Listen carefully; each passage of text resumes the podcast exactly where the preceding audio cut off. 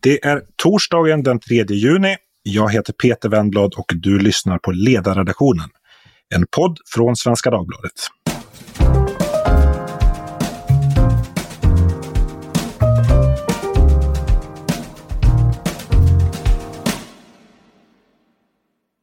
Idag om fri hyressättning i nyproducerade bostäder. Den här mandatperiodens kanske mest kontroversiella politiska reform.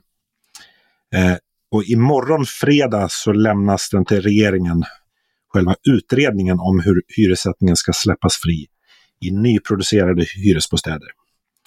Debatten har varit hård och uppfattningarna om reformen har varit många redan innan utredningen varit klar.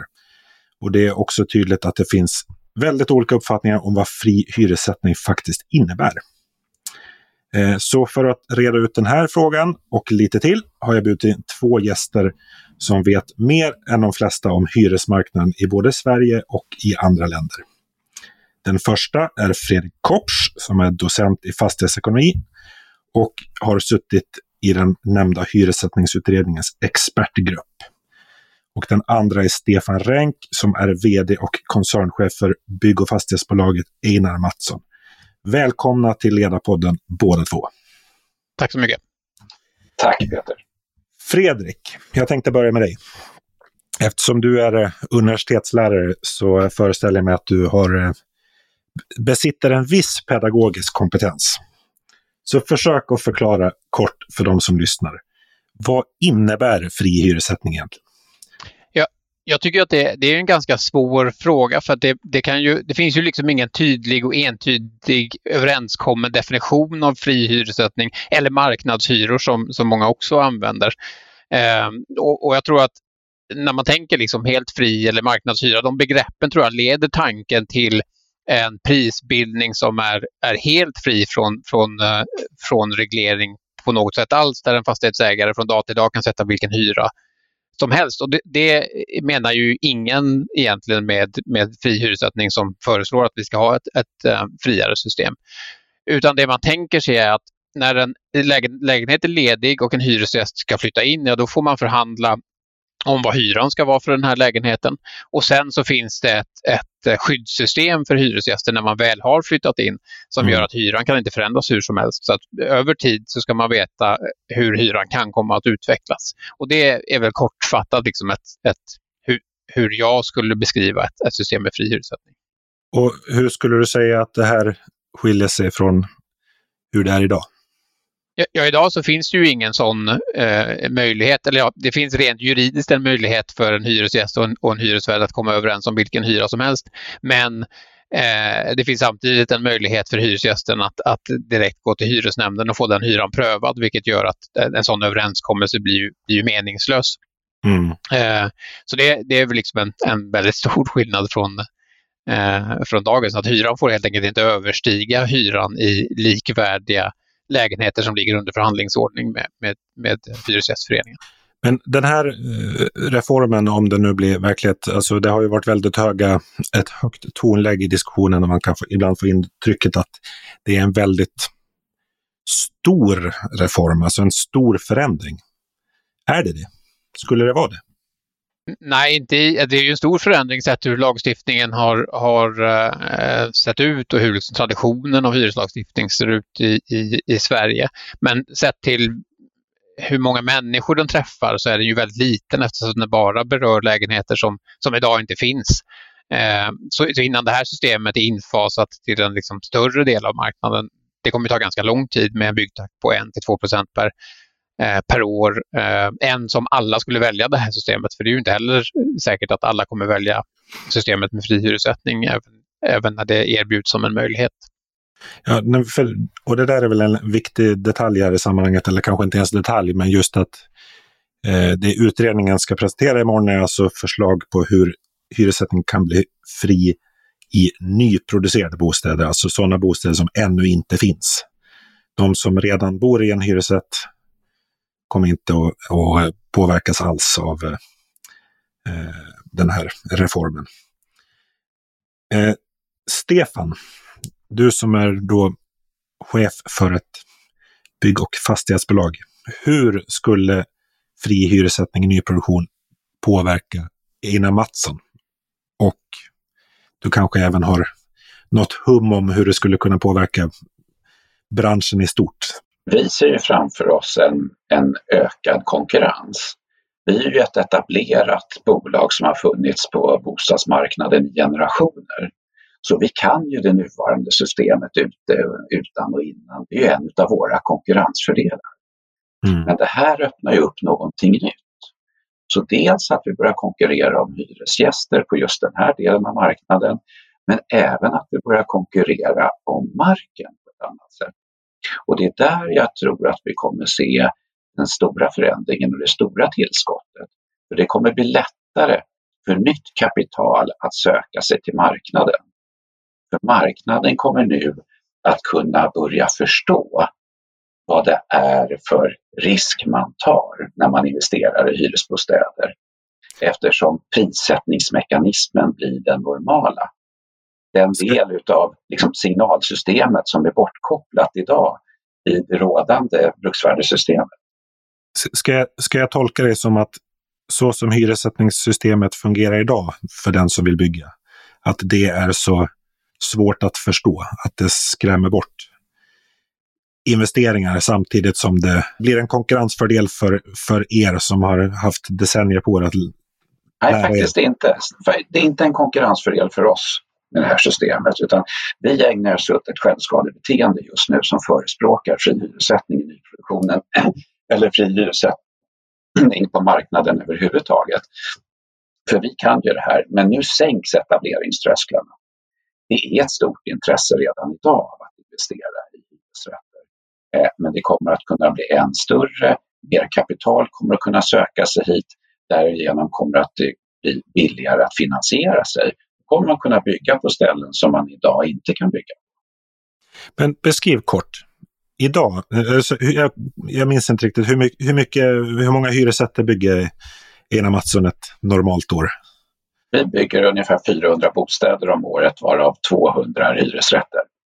När ni bygger hyresrätter, hur sätts hyrorna idag?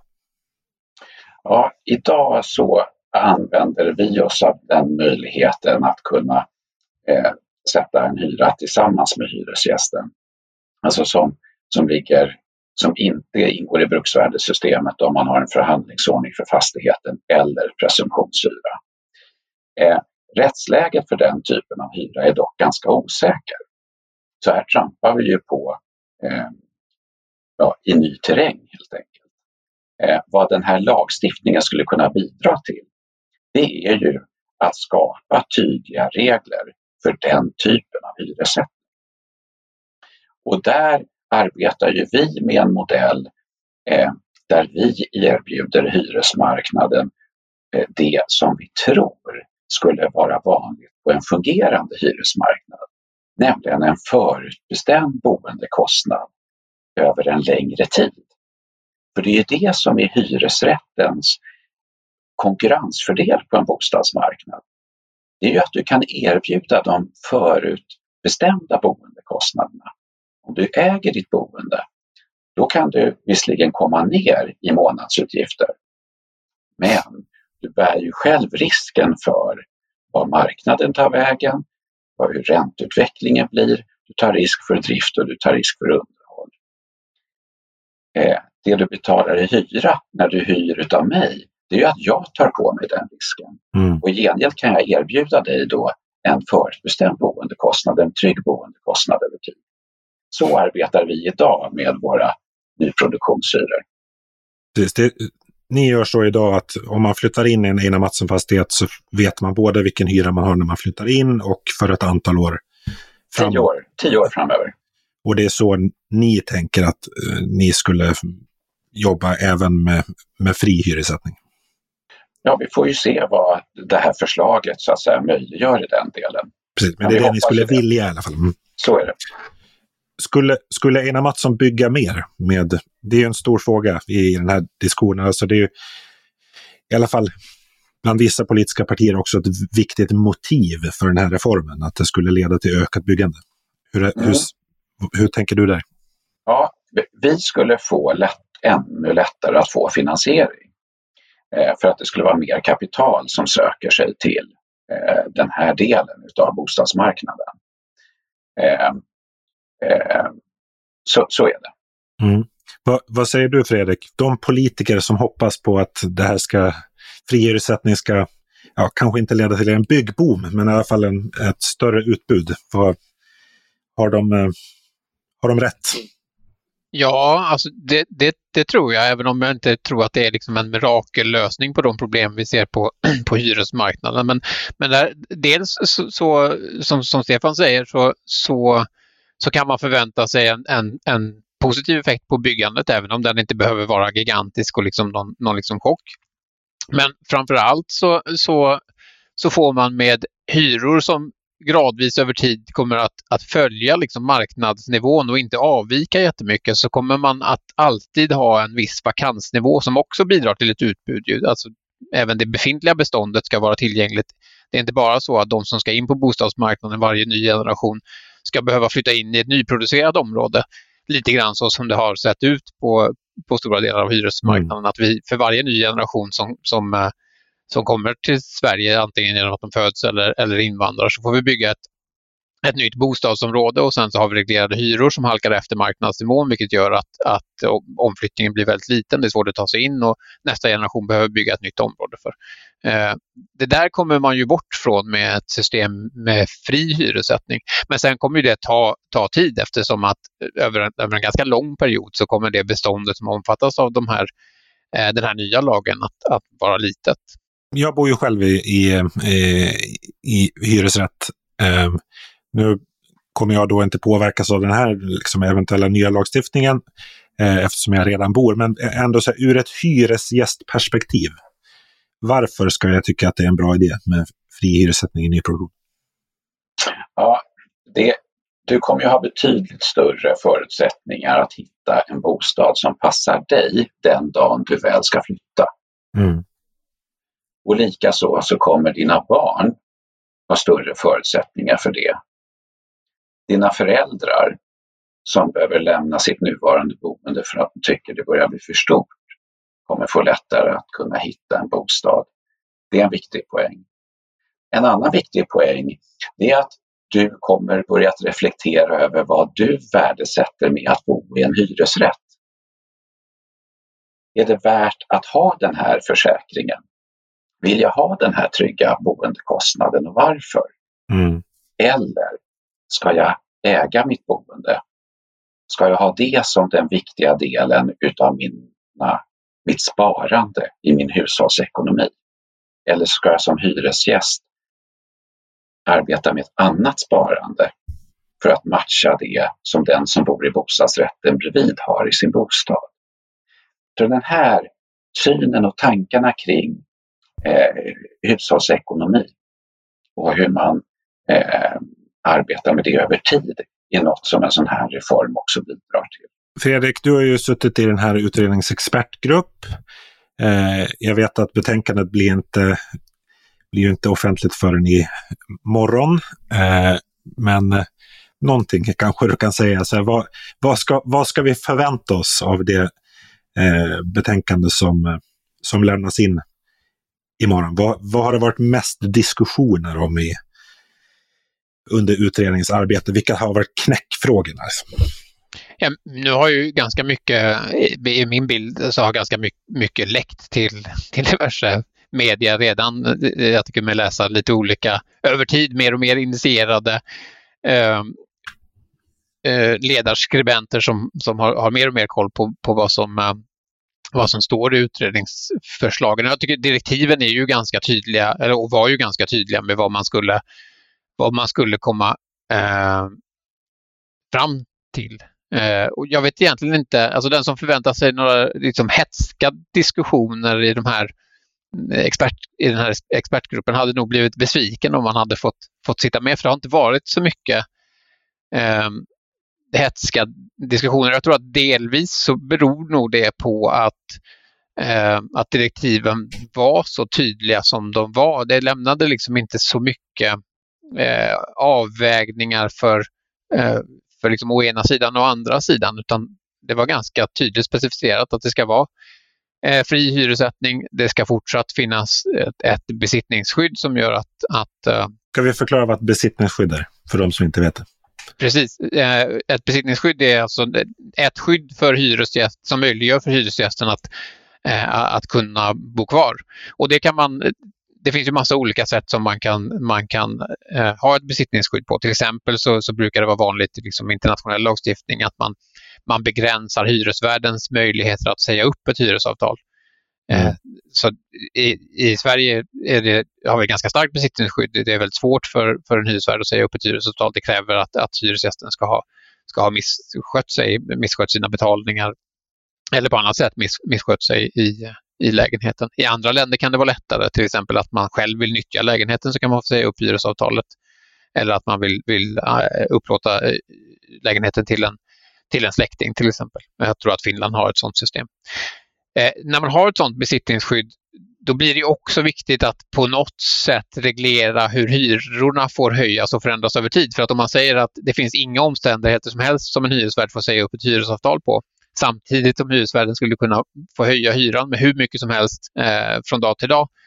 Ja, det säger sig självt att då spelar det ingen roll hur, hur hårda begränsningar du har på, på hyresvärdens möjligheter att säga upp avtalet. För Det är bara att höja hyran till en nivå som gör mm. att hyresgästen självmant flyttar.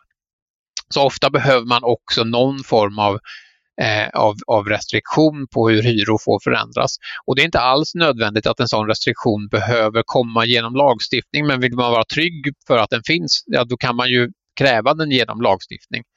Eh, jag brukar likna det vid, vid bankernas låneräntor till exempel. Det finns ingen, ingen, ingen tydlig lagstiftning om att man måste erbjuda femåriga eh, bundna räntor eller tioåriga bundna räntor. Eller som Danske Bank har försökt införa nu 30 år bundna räntor.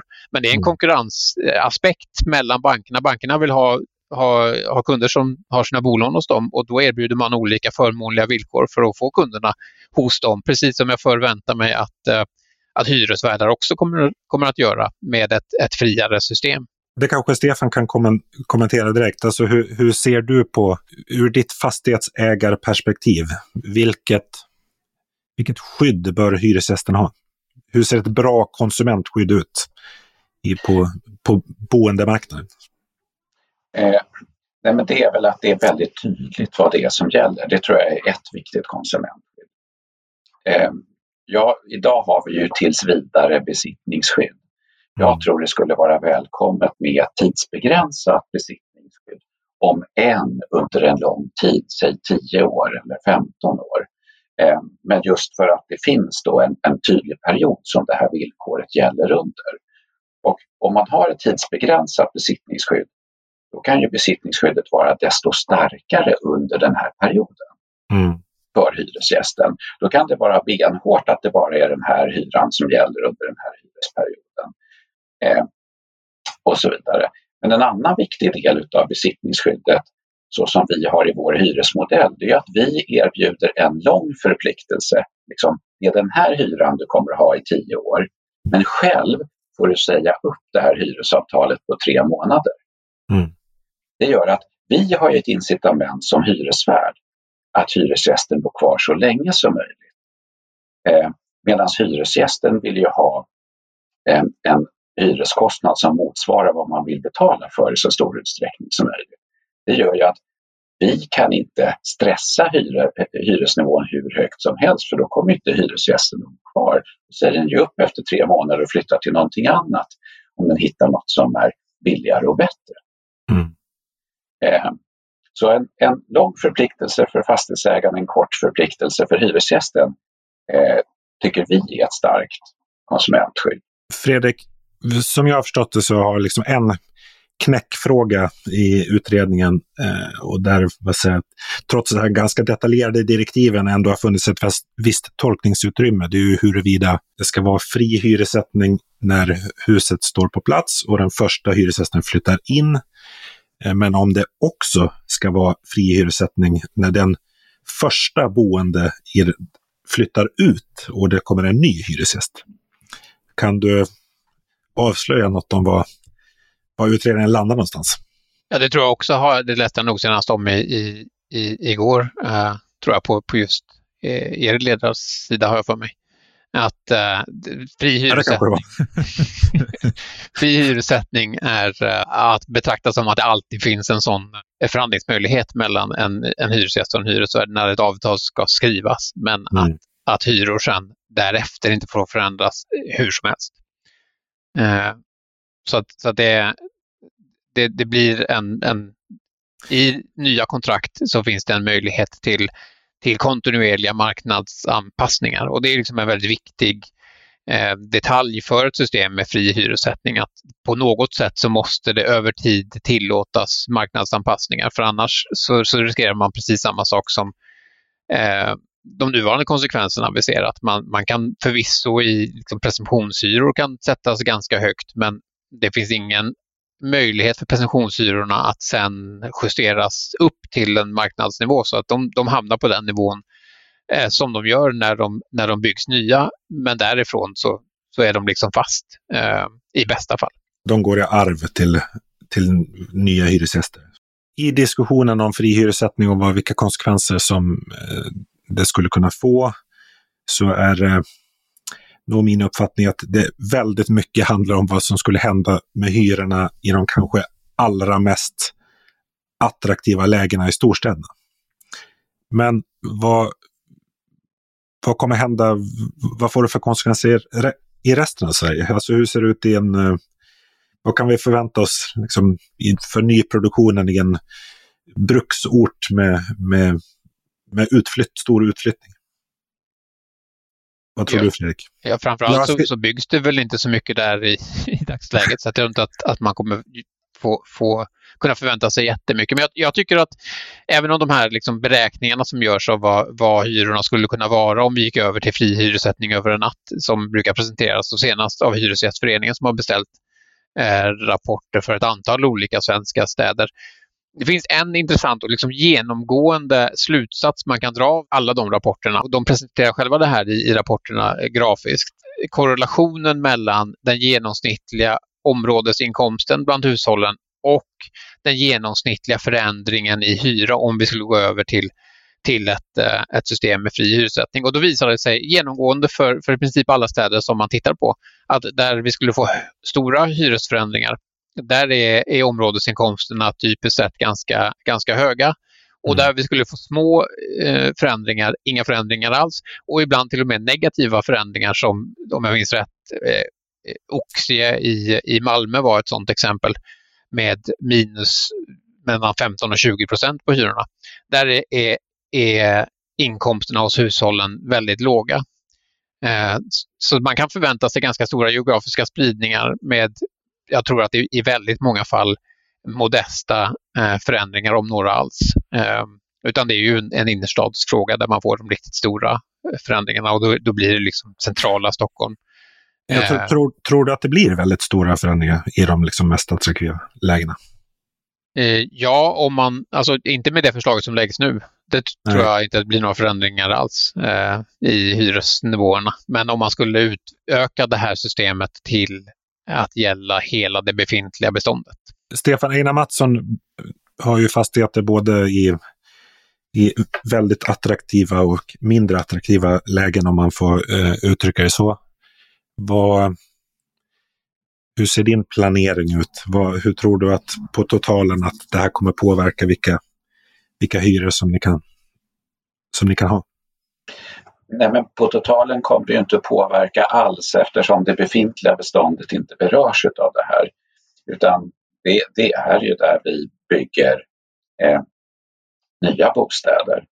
Eh, och där kommer väl hyrorna att ligga ungefär i nivå med eh, månadsutgiften för det ägda boendet. Eh, mm. Och det är det vi även ser idag i nyproduktionen, att den, den, är ganska likartad och så tror jag att det kommer att se ut i hela landet eh, för, för nyproducerade eh, hyresbostäder med den här modellen. Alltså att, att hyrorna kommer ligga på ungefär den nivå som säga, avgifter, räntor och amorteringar eh, ligger på om man köper? Ja, precis, precis så. Eh, för det, det är ju det som hyresrätten också har att konkurrera med. Eh, och det som är lite teoretiskt intressant nu om man tittar tillbaka på de senaste åren, det är ju att för människor i det ägda boendet så har ju boendekostnaderna sjunkit. Eh, mm. På grund utav den fallande räntan framför allt. Eh, och det hade ju varit väldigt intressant att se vad som hade hänt eh, med hyrorna om vi hade haft fri hyressättning på hela hyresmarknaden när den här rörelsen hade kommit med sänkta månadskostnader i det ägda boendet. Hur hade det påverkat hyresutvecklingen? Hur hade det påverkat människors vilja att betala hyra för sin bostad? Det här anknyter lite grann till som du var inne på tidigare, Stefan.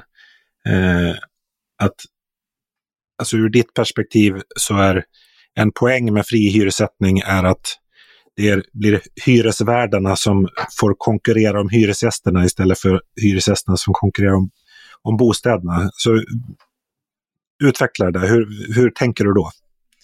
Ja, men vi, vi lever med det varje dag eftersom vi arbetar både med hyresrätter och bostadsrätter. Eh, och vi arbetar med bostadsrätter för att bättre förstå hur vi ska bygga våra hyresrätter. För när vi arbetar med bostadsrätter och säljer bostadsrättslägenheter, då måste vi lägga ner ett otroligt arbete för att kartlägga marknaden, konkurrenter, eh, människors preferenser och behov för att lyckas sätta rätt produkt på rätt plats till rätt pris så att vi får det sålt. Mm. Eh, och det är eh, ett, ett, stort arbete med det. Eh, och det gör ju vi, för vi slåss ju om de här kunderna med våra konkurrenter. Vi vill ju att de ska köpa de bostadsrätter som vi bygger i det här området. Och då gäller det att utforma huset så att det blir attraktivt eh, till den betalningsvilja som finns i det här området. Men det systemet, det finns ju inte idag på hyresmarknaden. Den, den viktiga delen av signalsystemet är ju bortkopplad på grund av rådande hyreslagstiftning. Och det är ju där som den här nya lagstiftningen kan göra skillnad. Vi kan få den viktigaste delen av signalsystemet att fungera. Nämligen, vad är man beredd att betala för med just den här utformningen eh, i just det här huset på den här platsen? Om ni försöker ta på er spåhatten, håller jag på att säga, men titta in i spåkulan. Eh, vad kommer vi få för diskussion när det här betänkandet nu läggs? Och kom, kommer vi ha fri hyressättning i nyproduktion från 2022? Jag har ju misstänkt lite grann. Det tog ju lång tid att tillsätta den här utredningen, mycket längre tid än vad det stod i januariavtalet. Ja, det blev ett, ett år försenat va? Ja, precis. Det tycker jag lite grann eh, talar för att, att eh, alltså det finns ju, det, det finns ju ingen eh, man är inte överens om att man vill införa det här bland de som har kommit överens om att man, man ska införa det. Eh, mm. och då har man lyckats att, att förhala tillsättandet av utredningen ett år. Eh, och så ska man nu då skicka ut det här på remiss och så ska det läggas förslag för, för riksdagen och så ska det röstas igenom. Och jag menar, vi är, vad är vi, 14-15 månader från valet. Jag ser det inte som helt omöjligt att man, uh, man lyckas förhala det här så att det inte går att lägga fram för riksdagen innan, eh, innan valet. Men samtidigt så, så, så, vet inte jag om det spelar någon jättestor roll för nu finns förslaget, eh, eller från och med imorgon så finns förslaget eh, om ett liksom alternativt system och det kan komma framtida regeringskonstellationer som är, är, är mer sugna på att införa ett sånt här system än, än det nuvarande. Så att jag, jag är inte säker på att det kommer att, att finnas på plats innan nästa val men, men jag är ändå optimistisk inför att, att det, det kan komma att finnas på, på plats eh, inom några år. Vad sätter du dina pengar på, Stefan? Det finns ju några politikområden som är väldigt olämpliga att använda som brickor i ett politiskt spel. Bostadspolitiken är definitivt en av dem. Eh, och här har bostadspolitiken blivit ett offer eh, för maktpolitiska ambitioner. Och det kan jag tycka är, är, är väldigt olyckligt. Ehm, man behöver breda långsiktiga lösningar ehm, i ett helhetspaket och här är det bara en liten del, en liten del som kommer att kunna göra viss positiv skillnad men som inte på något sätt förändrar helheten utan kanske skapar fortsatta låsningar. Det får bli sista ordet. Eh, får vi se var diskussionen tar vägen efter att betänkandet kommer i morgon och om får se den regeringskris som Vänsterpartiet har eh, hotat med. Eh, stort tack för att ni kom till Ledarpodden, Fredrik Kopsch och Stefan Renk. Tack till er som har lyssnat. Hör gärna av er till ledarsidan svd.se med kommentarer och frågor. Eh, jag vill också passa på att rekommendera SVDs dagliga nyhetspodd Dagens Story. Ett ämne, en kvart, fem dagar i veckan. Producent idag var Jesper Sandström. Tack för idag!